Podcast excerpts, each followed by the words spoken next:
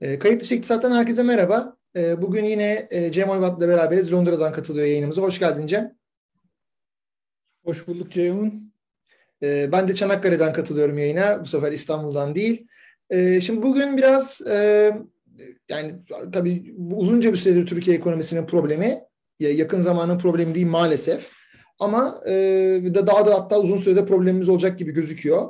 Her ne kadar hükümet tarafından mütemadiyen birkaç ay sonra bu iş düzene girecek diye açıklamaları gelse de bir türlü girmiyor. Tam tersine problem de artıyor aslında.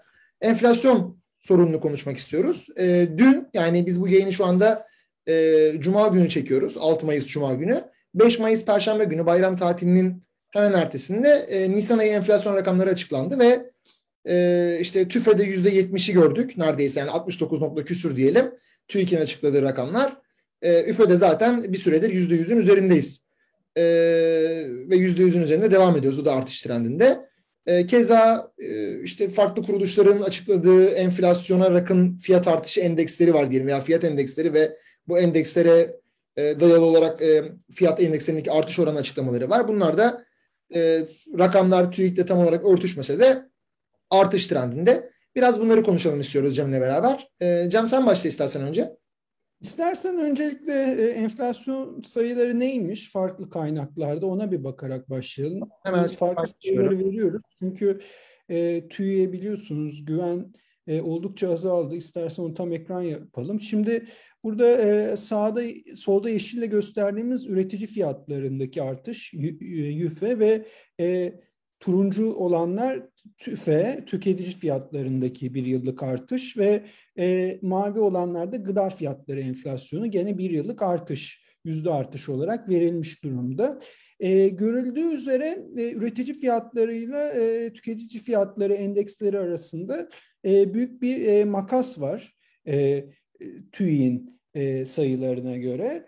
Ve TÜİ'nin sayıları da aslında hem İTO'nun hem de ENAG'ın sayılarının çok altında tüketici enflasyonu olarak. Hatta e, millet dalga geçiyor. E, TÜİK e, e yıllık enflasyonunu 69.97 diye açıklamıştı. İTO da yine komik bir şekilde onlar da 79.97 diye açıklamışlar. Yani hep böyle küsuratla açıklanıyor ki hani tabii e, bu küsuratlar biraz veri şu... Cem yani İTO İstanbul e, için açıklıyor sadece. Evet. Evet, İTO sadece İstanbul için açıklıyor, onu belirtelim. Bunların yanında ENAK e, yüzde e, yüzde 56'lık bir yıllık enflasyon e, oranı açıkladı. Şimdi ben kendi açımdan nasıl görününe bakayım. Ben yani TÜFE'nin rakamlarını çok güvenilir bulmuyorum. Çünkü son dönemde biliyorsunuz sürekli olarak TÜİ'nin yöneticileri değişti. Özellikle enflasyonun arttığı dönemlerde TÜİ'nin yöneticileri değişiyor. E, artı e, üretici fiyatları ile tüketici fiyatları arasında bu kadar uzun süredir büyük bir e, makas olması da açıkçası dikkat çekici bana göre. E, öte yandan Enağ'ın da tam olarak sayılarına yüzde yüz güvenemiyorum. Çünkü çok küçük bir ekiple e, çalışıyorlar e, ve e, açıkladıkları enflasyon oranları da diğer e, kurumların çok üzerinde oluyor. E, şimdi mesela gıda fiyatları enflasyonu var e, karşılaştırmak istediğim. E, şimdi bir kere ENAK şey vermiyor yani ürünlerin, malların ve mal gruplarının yıllık enflasyon oranlarını vermiyor. Mesela e, bu anlamda bence ENA'nın e, şeffaflık anlamında geliştirmesi gereken şeyler var. Yani keşke hem ürün grupları için hem de sepetteki mallar için e, ellerindeki fiyatları online olarak e, açık yapsalar da insanlar da hem işte TÜİ fiyatlarını hem de ENAN fiyatlarını karşılaştırıp kendileri bir yargıda bulunabilse. Bence özellikle e, hükümetin ENAN e, sesini kesmek yoluna gittiği e, bu dönemde bu şeffaflığı arttırmak bence ENA'nın da elini güçlendirecektir diye düşünüyorum. E, ya mesela gıda fiyatları enflasyonuna baktığımız zaman e, mesela TÜİK, İTO ve Türk İş çok yakın. Yani TÜİK devlet kurumu, e, İTO hükümete yakın bir kurum oldu şu anda. Ona da yandaş diyebiliriz. Onun da enflasyon, gıda fiyatları enflasyonunun TÜİ'ye yakın olması anlaşılabilir ama mesela Türk İş'in hesapladığı gıda fiyatları enflasyonu da ENAK'ın hesapladığı gıda fiyatları enflasyonun çok altında. Yani ENAK e, gıda fiyatlarının işte yüzde 185 e, arttığını söylüyor. Yani üç katına çıktığını söylüyor. Doğru olabilir. Ee, yani bunu işte gözlemleyen bir sürü insan gıda fiyatlarının 2-3 katına kadar çıktığını da söyleyen insanlar var. Tamamen kendi gözlemleriyle ama dediğim gibi yani bu konuda ENAK biraz şeffaflığını arttırsa ben açıkçası daha çok güveneceğim. Ben şu anda hani hiç bir rakama da böyle tam yüzde yüz güvenemiyorum. Gerçeğin de biraz iki rakamın ortasında bir yerde olduğunu düşünüyorum kendi adıma. Bilmiyorum ne dersin Cem? Aynısını söyleyecektim. Zaten bundan birkaç ay evvel sosyal medyada da benzer bir paylaşımda bulunmuştum Twitter'da. Yani muhtemelen gerçeklik e, ikisinin arasında bir yerde diyebiliriz. İkisinin arasında kastında Enak'la TÜİK arasında. E, Enak'la TÜİK'in açıkladığı işte enflasyon oranları veya tüfe üfe artış oranları e, arasında. Şimdi tabii burada şey var yani e, dediğin gibi Enak'ın biraz daha şeffaf olması daha iyi olurdu ki böylece kalem kalem daha net bir karşılaştırma yapma şansımız olurdu. TÜİK bunları sonuçta kalem kalem yayınlıyor. Ee, bazen hakikaten de e, belli kalemlerdeki artış oranları insanı şaşırtabiliyor. E, tanım değişiklikleri oluyor. Mesela geçenlerde yine ben sosyal medyada gördüm. Ayrıntılı da bakmadım itiraf edeyim ama scooter fiyatlarında çok ciddi bir düşüş gözüküyormuş. Ama tabii scooter'ın tanımı değiştiği iddiası vardı. E, keza yine işte e, sanırım e, Bilkent Üniversitesi'nin Hakan Hoca'nın, Hakan Kara Hoca'nın bir süredir dillendirdiği işte bu kalite düzeltmesi e, hikayesi de var aslında. Yani bu otomatik fiyatlarıyla ilgili de bir şeyler yazmıştı hatırladım. Aynen aynen. Dolayısıyla ama tabii şey de yok yani hani e, çıkıp da böyle hiçbir iktisatçı da işte atıyorum TÜİK'in açıkladığı rakam yüzde 69 iken hayır işte bakın bu, bu, bu kalemlerde çok ciddi bir oynama var ve asıl doğru olanı yüzde 98'dir diyemedi mesela atıyorum. Yani hani ortaya konmuş net bir e, şey de yok. E, bu rakam... Kaynak meselesi yani bunu ara, hiç kolay bir şey değil enflasyon tespiti Doğru. yapmak. Gidip sepet toplamak. Sonuçta yine de bu verilere hakim iktisatçılar da var yani. TÜİK verilerine hakim, düzenli bunları takip edenler de var ama tabii dediğin doğru. Yani bunun bulunamıyor olması da aklamaz yani. E, ve tabii TÜİK'in de dediğin gibi e, liyakat konusunda bir, e, bağımsızlık konusunda iki, e, şeffaflık konusunda da üç, e, eksikleri maalesef var ve son yıllarda da daha da fazla göze batıyor. Bunu da vurgulamak... Yani mesela e, şeffaflık derken yani o mesela bir önceki TÜİK Başkanı enflasyon fiyat ile ilgili bir komite oluşturmuştu. Bir sürü iktisatçı e, bilindik o komiteye girmiş. Danışma kurulu gibi e, önemli iktisatçılar vardı. Mesela yeni TÜİK Başkanı ilk e, göreve geldiğinde hemen o e, komiteyi e, şey yaptı, lav etti mesela. Yani mesela öyle bir bağımsız bir komite kalsa hani danışma kurulu veya denetleme kurulu gibi bence TÜİ'nin elini güçlendirir. Ama tabii böyle bir niyetleri ne kadar var orası tartışılır. Ee, bence. Bir şey daha söyleyeceğim Ceyhun. Mesela Enak'tan birine sorarsak eğer aslında enflasyonun bu gösterdiklerinden daha da fazla olduğunu söylemeleri lazım. Çünkü Enak biliyorsun e, mal grup sepetinin de yüzde yirmisini TÜİK'ten alıyor.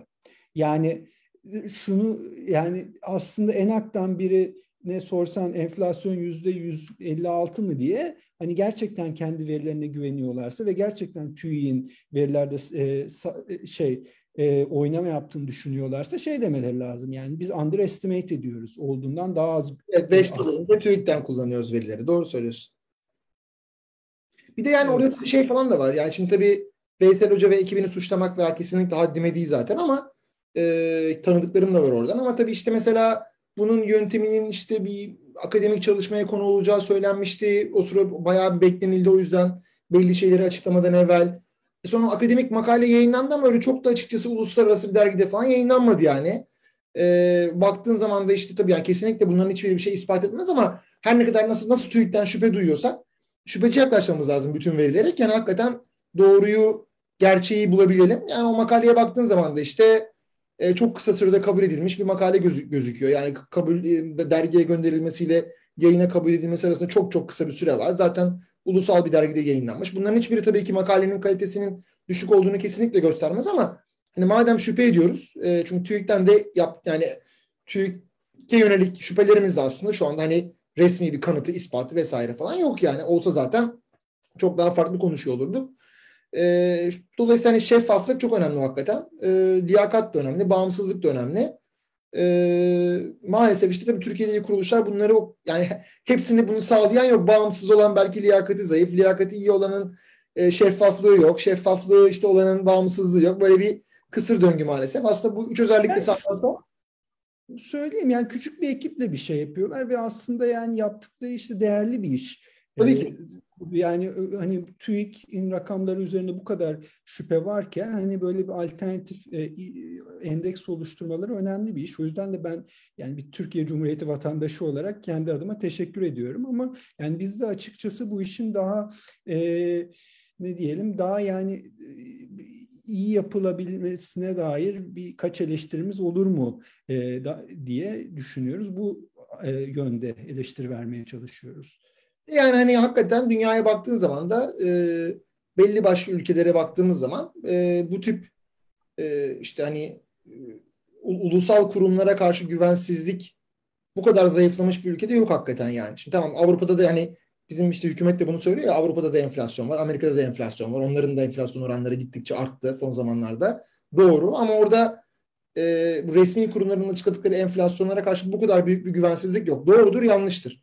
Yani e, ve böyle güvensizlik olmadığı için de böyle alternatif tahminleme çalışmaları yapmaya da gerek duyulmuyor. Ne zaman duyuluyor? İşte Arjantin'de duyuluyor. Zaten işte en yakında e, metodolojisini aldığı makale Arjantin için aslında geliştirilmiş. Harvard'dan bazı iktisatçıların e, oluşturduğu bir yöntem, metodoloji. E, Arjantin için uygulanmış. Çünkü Arjantin'de bir dönem hakikaten e, enflasyon hatta bir ara açıklanmıyordu resmi enflasyon. E, orada da böyle bir politika yapıcıların hakikaten bir e, anomalisi vardı diyelim e, en basit şekilde ifade edecek olursak. E, bizde de şu anda böyle bir güvensizlik var ki böyle bir şeye talep oluyor. Yani böyle bir TÜİK'e güvensizlik olmasa zaten ne ENAK'a ne de başka başka kuruluşların yaptığı alternatif fiyat endekslerine rağbet olurdu açıkçası. Evet, evet. Bunu bu arada şeyi belirteyim. Bu gıda fiyatları enflasyonu ben aylık verilerine bakarak kendim hesapladım. Yani yıllık olarak yoktu. Onu e, belirtmiş miydim hatırlayamadım. E, istersen devam edelim. Bu, evet, ee, bu önemli bir slide. Belki ben hazırladığım için bana öyle geldi. İstiyorsan ben bunu hemen kısaca anlatayım. Sonra sen de tespit evet. söyle. Burada sadece basit bir şekilde TÜİK'in sayfasından işte yıllıklandırılmış enflasyonu bir sütuna koydum. Eylül 2021'den Nisan 2022'ye kadar. Daha da geriye de götürülebilir yani istenirse. Ee, ben öyle Eylül'den aldım yani Merkez Bankası Başkanı değiş, e, Merkez Bankası'nın politikası değiştiği için başkan yardımcılarının istifa ettiği dönem hatırlayacak olursak e, enflasyon var. Enflasyonun hemen yanında enflasyondaki değişim oranı var. Yani aslında şu ilk iki sayı arasındaki fark burada yani farkları gösteriyor. Sonra bir de burada değişimin değişimi var. Bu da değişim sütunundaki farkları gösteriyor. Bu hani böyle birinci türev, ikinci türev diye lanse ettim ben. Hani zaman birimi bir birim olduğu için, bir ay olduğu için x ekseninde diye düşünecek olursak. Ama asıl kastedilen yani enflasyondaki değişim ve değişimin değişimi. Yani enflasyon artıyorsa e, bu değişim sütunu pozitif oluyor. E, artan hızla artıyorsa değişimin değişimi de pozitif oluyor. Enflasyon, enflasyon olsaydı gibi aslında. Aynen ivmesi gibi evet. Abi, ee, fiyatın ivmesi gibi daha doğrusu. Enflasyonun ivmesi gibi aslında burada bu. Yani sonuçta enflasyon evet. bir şey var burada. Evet. Çünkü bu okay. fiyatın üçüncü türevi oluyor yani aslında bir nevi ama evet. bir nevi yani. Ee, şöyle şimdi tabii değişim e, dediğim gibi enflasyon azalacağı zaman düş, enflasyon düşüyor olsaydı değişim negatif olurdu. Enflasyon arttığı için değişim pozitif. E, enflasyon artan hızda artıyorsa değişimin değişimi pozitif olur. Eğer azalan hızda artıyorsa değişimin değişimi negatif olur. Şimdi burada tabii Kasım'da ve Aralık'ta acayip bir artış var tabii. Orada değişimin değiştiği pozitif. Sonra Ocak ve Şubat'ta birazcık işte herhalde o e, 2018 işte, 2021 aralığındaki o işte dolar kurunun, euro kurunun bir anda sıçraması etkisi bir miktar böyle bir sönümlendi işte KKM ile vesaire falan.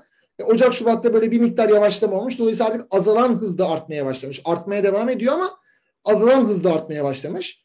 E, ama sonradan Mart ve Nisan'la beraber yani ilkbaharla beraber diyelim yeniden artan hızda artmaya başlamış. E, bu bunu gösteriyor yani açıkçası bu tablonun gösterdiği şey tamamen bundan ibaret. Bu da tabii olumsuz bir tablo. Yani hani çünkü öncelikle enflasyonun düşmesi için önce bu değişimin değişimi üstumu negatif olacak. Daha sonra değişim negatif olacak. Sırayla bunlar olacak. İkisi de şu anda olmuş değil. Dolayısıyla e, daha gidecek yolumuz var gibi gözüküyor maalesef. Pesimist bir tablo, pesimist bir sonuç. E, ve hani işte hükümet kanadından diyorlar ya işte Kasım'da daha iyi olacak, sonbaharda daha iyi olacak, yaz sonunda daha iyi olacak. Bir ara yaz başı Haziran deniyordu. Herhalde artık o ertelendi. En son bir Aralık rakam Aralık zamanının konuşulduğunu hatırlıyorum. Aralıkta düşüşe geçecek falan ya da toparlayacağız gibi bir şeyler söyleniyor. Yani onu baz etkisine güvenerek söylüyorlar anladım. Aynen ama yani şu anda artan bir artıştayız. Dolayısıyla e, Allah sonumuzu hayretsin diyorum ben bu tabloya bakınca öyle kısaca öyle söylemiş. Yani endişe verici olan şey şu Ceyhun hani e, kur şokunu biz ne zaman Aralık'ta yedik değil mi? Aralık sonu gibi yedik. Doğru. Büyük kur şokunu ve KKM ile biraz işte kontrol altına alındı döviz kuru. Yani döviz kurunun artmıyor olmasına rağmen e, hala şey enflasyonun artıyor olması, enflasyondaki artışın hatta artıyor olması endişe verici. Hatta yani Nisan ayında, şimdi hadi Mart'ta savaşın etkisi emtia fiyatlarının artışı falan da diyebilirsin. Ee, belki onun yansıması olabilir Nisan ayında. Ama e, yani şey olmuyor, hani kurun etkileri artık yani şunu sordurtuyor yani kurun etkisi dışında da acaba e, enflasyon artıyor mu e, kurdan bağımsız olarak ki hani o çok o, olumlu bir tablo değil. E, bir de şöyle bir şey var yani bir sonraki slayda da bakalım istiyorsan. Yani e, şimdi enflasyonun artışının bir de şöyle bir sıkıntısı var. Bir tarafta e, bu işte 2013 e, bazlı e, 2013'ün işte 100 olarak kabul edildiği e, işte yurt içi üfe bazlı reel efektif döviz kuru grafiği. Bu neyi gösteriyor? E, e, e, üretici fiyatlarının e, kura olan e, döviz kuruna olan oranından oluşan bir endeks gibi düşünebiliriz bunu. Yani nedir? İşte yurt içindeki üretici fiyatları kura göre arttığı zaman e, bu endeks yukarı çıkıyor. E, üretici fiyatları sabitken e, kur şoku yediğimiz zaman bu endeks aşağı iniyor. Ya aslında bu biraz e, dış ticaretteki e, firmalarımızın e, daha doğrusu kurun işte dış ticaret yapan firmalarımızın rekabetçiliğini nasıl etkilediğini gösteren e, bir grafik. Yani eğer e, bu grafikte bir düşüş oluyorsa işte kurdan dolayı firmalar ihracat anlamında avantaj sağlıyorlar. Eğer bu grafik bir yükse, yükselen bir trendi varsa e, firmalar ihracat anlamında e, kurdan kaynaklanan bir dezavantaj ile karşı karşıya kalıyorlar diye özetleyebiliriz. Ve burada şunu görüyoruz yani e, 2021'in sonunda yediğimiz kur şoku Türk lirasını aşırı değersiz hale getirdi reel anlamda. Yani iç piyasadaki girdi fiyatlarını, e, maliyetleri çok ucuzlattı e, dünya piyasalarına göre. Fakat e, fiyatların tekrar artması ile birlikte çok kısa bir dönemde bu avantaj tamamen tersine döndü. Yani şu anda biz e, reel kur anlamında e, neredeyse pandemi e, öncesi seviyelere geri döndük fiyatların artmasından dolayı. Dolayısıyla biz bu kur şokunu yaptık. E, işte Çin modeline geçeceğiz, ihracat rekabetçiliği yapacağız vesaire dedik ama hiç alakası olmayacak bir şekilde tam tersi yöne gitmiş olduk. Bu kur şokunun varsa ihracat üzerinde olumlu bir etkisi e, tamamen şu anda yok olmuş durumda. Yani belki tek olum etkisi ihracat rekabetçiliği anlamında ki ona da yani olumlu demek e, çok kolay değil. E, emek maliyetlerinin reel anlamda düşmüş olması yani halkın e, e yükün e, halkın e, emek sınıfının üzerine binmiş olması ve yani açıkçası bu e, gelişmelerin de olumsuz anlamda e, dış ticaret verilerine baktığımızda görüyoruz. Çünkü son 6 ayda e, kur sabit bir yandan biz ama 6 ayda işte 44 e, milyar dolarlık bir dış ticaret açığı verdik. Yani bu 44 milyar dolar demek neredeyse yüzde beşi geçen yılın gayri safi milli hasılasının. Biz bu kadar büyük açıkları en son e, 2018 e, krizinden önce veriyorduk ve 2018 krizinde de bu açıklar sonucunda ne olduğunu gördük. Yani eğer bu da neden şu anda endişe verici bir şey? Eğer kurlar e, sabit devam ederse 15'lerde ve fiyat artışları e, böyle senin dediğin gibi ivmelenerek devam ederse, e, yüzde yüzlere yaklaşırsa mesela, yani çok olumsuz bir senaryoyu söylüyorum, bu dış ticaret açığı daha da artacak e, Türkiye'nin döviz talebi daha da artacak ve bu kuru bu şekilde yüzde 15'lerde e, doları tutmak mümkün değil. Bu kur da bir noktadan sonra çok ciddi artmaya başlayacak. Yani biz eğer bu şekilde giderse e, bir kur şoku, yeni bir kur şoku için e, ortam yaratmış oluyoruz. E, kuru sabitledik, dış ticaret açığı veriyoruz, enflasyon var ve kur artmayı bekliyor. E, daha da kötüsü bütün bunların üzerine yani her şeyin üzerine bir de KKM meselesi var. Biz işte yüzde 14 17 arası faizi insanlar e, e, paralarını bağladılar Türk lirasına. E, devlet e, eğer dolar çok artarsa e, tamam kalanını ben tamamlayacağım dedi. Düşün bak yani eğer yüzde yüz enflasyon olursa ve kur da bu oranda artarsa mesela bir yıl içinde devlet KKM'deki paranın yüzde seksen beşi kadar neredeyse e, hesabı olanlara ödeme yapacak. Yani bu da işte 100, 650 milyar TL'ye denk geliyor. Yani 40 milyar doların üzerinde bir para ödeme yapmasından bahsediyoruz devletin. Bir de işin böyle bir felaket boyutu var. Yani şu anda açıkçası iktidar bu izlediği politikalarla e, günü kurtardı. Belki seçime kadar da e, durumu idare edebileceğini düşünüyor ama resmen benim bakış açımda bir e, mükemmel bir fırtınaya e, zemin hazırlamış durumda gibi gözüküyor. Yani şimdi bunları anlatıyoruz. Yarın öbür gün eğer kur şoku olursa iktidar gene işte yok geziciler, yok işte e, faiz lobisi, şu bu diye bir sürü e, vatan haini arama e, yoluna gidecek e, kuru arttıran. Ama yani aslında bu yanlış politikalar maalesef e, gelecekte bir felaket oluşması için de çok kötü bir zemin oluşturuyor şu anda. Ben de kısaca şunu söyleyeyim. Yani söylediklerinin bütün hepsine katılıyorum. E, tabii şurada şey var yani real efektif döviz kuru bizim zaten uzun vadeli ortalamamız 80'ler civarı aslında. Yani şu anda eski uzun vadeli seviyesine gelmiş durumda. Ama tabii o zaman da şu soru var ortada.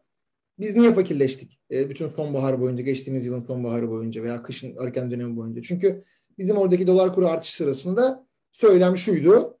Bu bilinçli olarak buna izin veriliyor. Bu bilinçli olarak yapılıyor ekonomi politikasını yönetenler tarafından. Çünkü biz ihracatla kalkınacağız, cari açığı kapatacağız e, ve e, yani işte üretim ülkesi olacağız. Bunun için de bu değersizleşmeye bilinçli olarak izin veriyoruz. Böyle bir e, şey vardı yani ekonomi politikasını yapanlar bu şekilde lanse ediyorlardı gelişmeleri. Dolayısıyla aslında işte buradaki o düşüş de burada gerçekleşmiş vaziyette. Sonradan ama tabii enflasyon nedeniyle yani yüksek enflasyon nedeniyle e, döviz kuru, nominal döviz kuru sabit kaldığında KKM sayesinde diyelim yeniden eski trende geri döndük. E, o zaman ama neden biz o kadar fakirleştik? Fakirleştik diyorum hakikaten de fakirleştik yani e, yabancı para birimi cinsinden e, kişi başı milli gelir ve baktığımız zaman fakirleştik mi? Fakirleştik evet.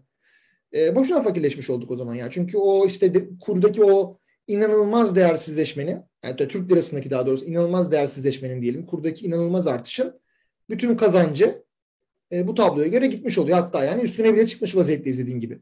Pandemi başına yani, dönmüş Ya artış devam ederse daha da kötüye gidecek bu. Aynı yani eğer tabii döviz kurunun sabit kaldığı varsayım altında. Döviz kodu KKM diyelim sayesinde veya e, Merkez Bankası'nın, kamu bankalarının döviz satışı sayesinde yine sabit kalmaya devam eder e, enflasyonda bu şekilde e, artış trendini sürdürürse bir önceki tabloda gösterdiğimiz gibi bu grafik artmaya devam edecek. E, bu artması ne işe yarayacak peki? İşte bu Türk ürünlerini yurt dışına karşı daha pahalı yapıyor. Yabancı ürünleri de e, Türk lirası, e, Türkiye'deki tüketiciler için daha ucuz hale getiriyor.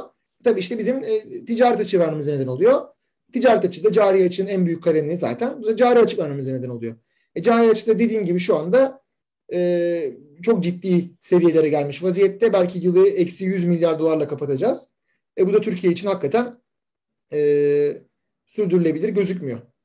Ve bunun kapandığı yani. noktada yeniden bir döviz kuru artışı gerçekleşecek.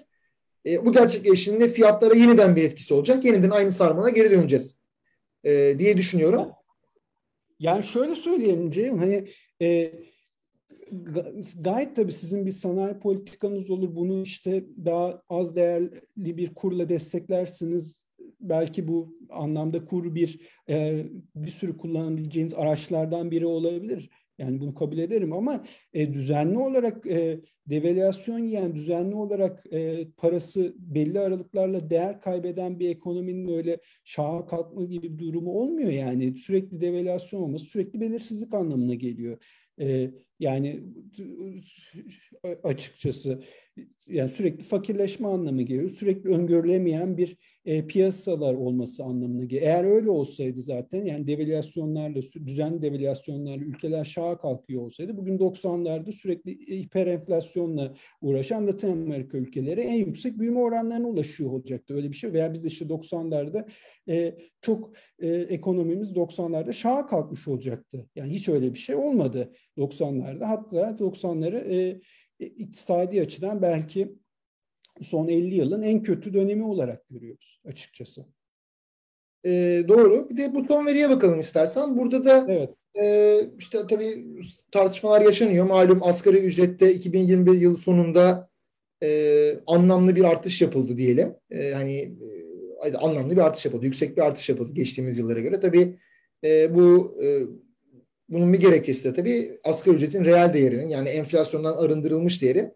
İşte bu sonbaharın e, sonbahar ve kışın ilk dönemindeki yüksek enflasyon artışıyla beraber oldukça gerilemiş olmasıydı. O reel kayıp bir miktar e, kompanse edilmiş oldu bu artışta. Zaten bunu da görüyoruz burada. Yani işte bu en son düştüğü nokta yıl sonunda sonradan işte artışla beraber yeniden e, neredeyse işte hatta biraz yıl başında yani 2021 başında üstünde bir seviyeye çıkıyor. Fakat e, gördüğümüzde şu ki yeniden biz e, işte herhalde Eylül ayı seviyelerine belki Ekim ayı seviyelerine gelmiş vaziyetteyiz yılın ilk dört ayında. Yani aslında e, o kazanımın önemli bir kısmı e, kaybedilmiş vaziyette. Yani reel anlamda asgari ücretlilerin e, kazanımlarının e, önemli bir kısmı kaybedilmiş vaziyette ki e, işte yıl ortasında yeniden bir artış olur mu diye konuşuldu.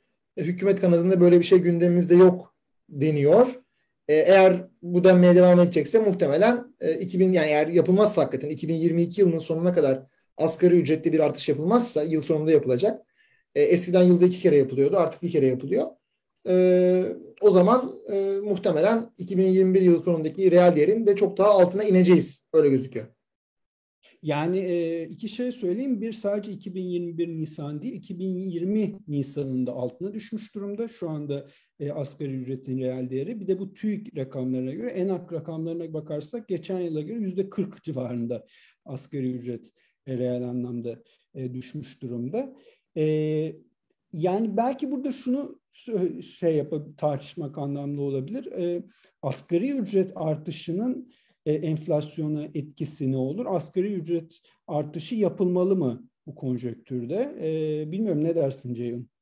Yani ben yani yap şöyle şimdi bu enflasyona etkisinden bağımsız olarak bir kere hakikaten e, şeyin e, yani toplumun önemli bir kısmının da yani veya çalış iş gücümüzün de önemli bir kısmının asgari ücretli olduğunu düşünürsek e, yani sonuçta yapılmama gibi bir şansı olduğunu düşünmüyorum. Özellikle seçime giden bir iktidarın e, her ne kadar şu anda yapılmayacak gibi açıklamalar yapılıyor olsa da belki bilmiyorum bir şekilde enflasyon beklentilerini beklenti falan kalmış değil ama belki beklentileri en azından biraz böyle fine tune etmeye mi çalışıyorlar nedir ama e, seçime giden bir iktidarın bunu yapmama şansı olduğunu düşünmüyorum açıkçası. Çünkü hakikaten e, senin de gösterdiğin gibi bu grafikte e, yani 2019'un başındaki reel e, seviyenin bile altındayız şu anda. 3 yıl geçmiş üstünden.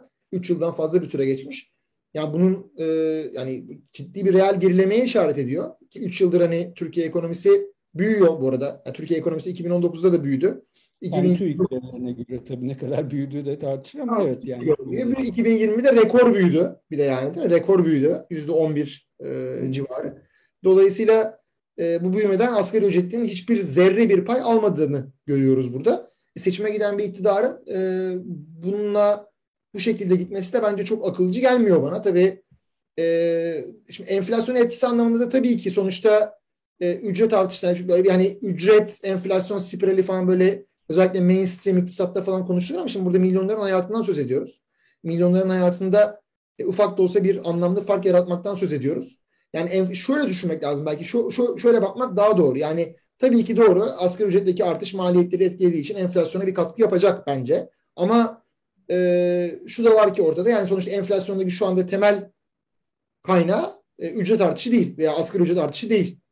Yani enflasyon, bence değil ya da yani en azından öyle. Yani oturup bir araştırma yapıp bunu e, sayısal olarak ayrıştırmış değilim enflasyonun hangi komponentlerden e, spesifik... Ama belli yani üretici fiyatları işte bu kadar yüzde yüzün üzerinde artarken tabii ki bu tüketici fiyatlarına yansıyacak yani. Neticede Aynen. Yani, bu değil. Dolayısıyla hani enflasyonu düşüreceksek de bunu ücretleri düşürerek yani reel ücretleri düşürerek de yapmak doğru reçete değil. Onu söylemek lazım. Tabii ki anlıyorum. Yani bir katkısı olacak enflasyona artış yapılırsa. Doğru. Haziranda yapılırsa.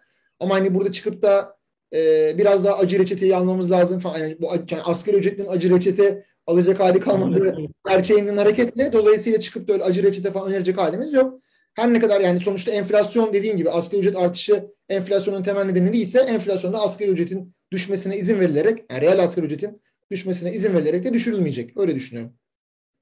Yok kesinlikle ben katılıyorum dediğin hemen her şeye katılıyorum. Ee, şöyle söyleyeyim yani ben de şöyle düşünüyorum aslında e, herkes şey gibi düşünüyor yani asgari ücret artışı işte yani herkes derken yani işte bir takım da ana akım iktisat tarafından bakanlar yani asgari ücret artışı işte bir emek maliyeti yaratıp işte enflasyona olumsuz katkıda bulunur gibi düşünüyor ki tamamen yanlış değil bu dediğin gibi bir katkısı olacak. Ama e, şöyle de bakmak lazım. Yani bir, bir taraftan da asgari ücret artışlarının da e, sebebi bu e, kur şokunu yarattığı enflasyon artışı. Yani sen şimdi eğer enflasyon bir yılda işte TÜİK rakamlarına göre hem de yüzde yetmiş artıyorken yani hükümet hele ki seçime gidiyorken ne yapacak? Yani yüzde yirmi şey mi asgari ücret zammı verecek yani kur bu kadar artmışken veya şu anda dediğin gibi yani e, enflasyon başını gidiyorken işte e, asgari ücretin reel diye düşünürken ne yapacak yani hükümet? E, iki tane seçeneği var. Ya e, işte e, insanları yoksulluğa mahkum etmeye devam edecek. E, bu işte seçimde bunun cezasını ödeyecek ya da işte asgari ücreti biraz daha normal bir seviyeye yani ya insani bir seviyeye çekecek. Bunun da işte eğer enflasyona bir katkısı olursa olacak. Yani e, bu konuda da bence çok e, yapacak bir şey yok. Yani burada e, ilişki e, iki türlü işliyor. Hatta e, enflasyon artışında asgari ücrete daha güçlü bir şekilde işliyor gibi me geliyor benim. Doğru ben yani sonuna kadar katılıyorum açıkçası söylediklerime ben de. E, maalesef durum bu. E, dolayısıyla hani burada tabii işte ben yeniden hani bana sorsa ben benim hani görüşüm hakikaten e, yıl ortasında bir enflasyona artış yapılması gerektiği, yani, pardon asgari ücreti bir artış yapılması gerektiği, nominal asgari ücreti diyelim bir artış yapılması ve bu reel asgari ücretteki kaybın kompanse edilmesi gerektiği ki daha önümüzde iki ay daha var. Bu iki ayın sonunda dediğim gibi belki de işte yıl sonundaki e, nokta yani 2021 yıl sonundaki reel noktaya düşmüş olacak asgari ücret ki daha yıl sonuna kadar zam yapılmazsa bir 6 ay daha olacak önümüzdeki bu e, tolere edilebilir bir şey değil asgari ücreti açısından. Ya bir de şu var yani e, yoksul kesimin e, enflasyon daha da yüksek. Yani TÜİK rakamlarına bile gıda enflasyonu yüzde 89 şu anda. Artı işte baktığın zaman diğer artan kalemleri işte konut var mesela yüksek artış gösteriyor. Hani daha böyle işte giyim, kuşamda, eğitimde, sağlıkta hani yoksul kesimin çok fazla sepetine girmeyen, işte eğlenceydi gibi yoksul kesimin e, sepetine o kadar girmeyen kalemlerdeki artış daha düşük şu anda. Dolayısıyla eğer e, şeyi araştırırsak yani daha işte en yoksul kesimden e, en zengin kesime yüzde yirmilik kesimlerin e, enflasyonlarına bakarsak yoksul kesimin aslında e, enflasyon daha fazla. Dolayısıyla aslında onların asgari ücret artışı anlamında ihtiyacı e, daha da fazla ve burada şunu da söyleyeyim yani gıda fiyatları çok artıyor. Bunun da e, bir numaralı nedeni e, kur artışı. E, Tabii dünyada da gıda fiyatları artıyor. Yüzde 29 artış olmuş geçen yıla göre ama dediğim gibi e, gıda fiyatları artışı Türkiye'de e, 89 ve yani 60 puanı demek ki bu e, gıda fiyatlarındaki artışın e, içeride yapılan hatalardan e, kaynaklanmış diyebiliriz. Buna tarım politikaları da dahil. Şimdi bugünkü yayınımızın evet. ama tarım politikaları da buna dahil. Ee, Şimdi ben evet enflasyon konusunda bayağı bir hani en azından e, görüşümüzü bir söylemiş olduk. Verilere baktık. Farklı verilere baktık. Artış oranını değerlendirdik. Asgari ücrete payına baktık. E, reel kura baktık. Gidişatı konusunda da birazcık e, öngörülerde bulunduk. Umarım daha olumlu yayınlar yaparız ilerleyen aylarda diyelim enflasyonla ilgili. Biraz zor gözükmekle beraber. E, herhalde söyleyeceklerimiz bu kadar diye düşünüyorum değil mi Can? Evet. E, izlediğiniz için çok teşekkür ederiz. Bir sonraki yayında görüşmek üzere. İyi günler herkese.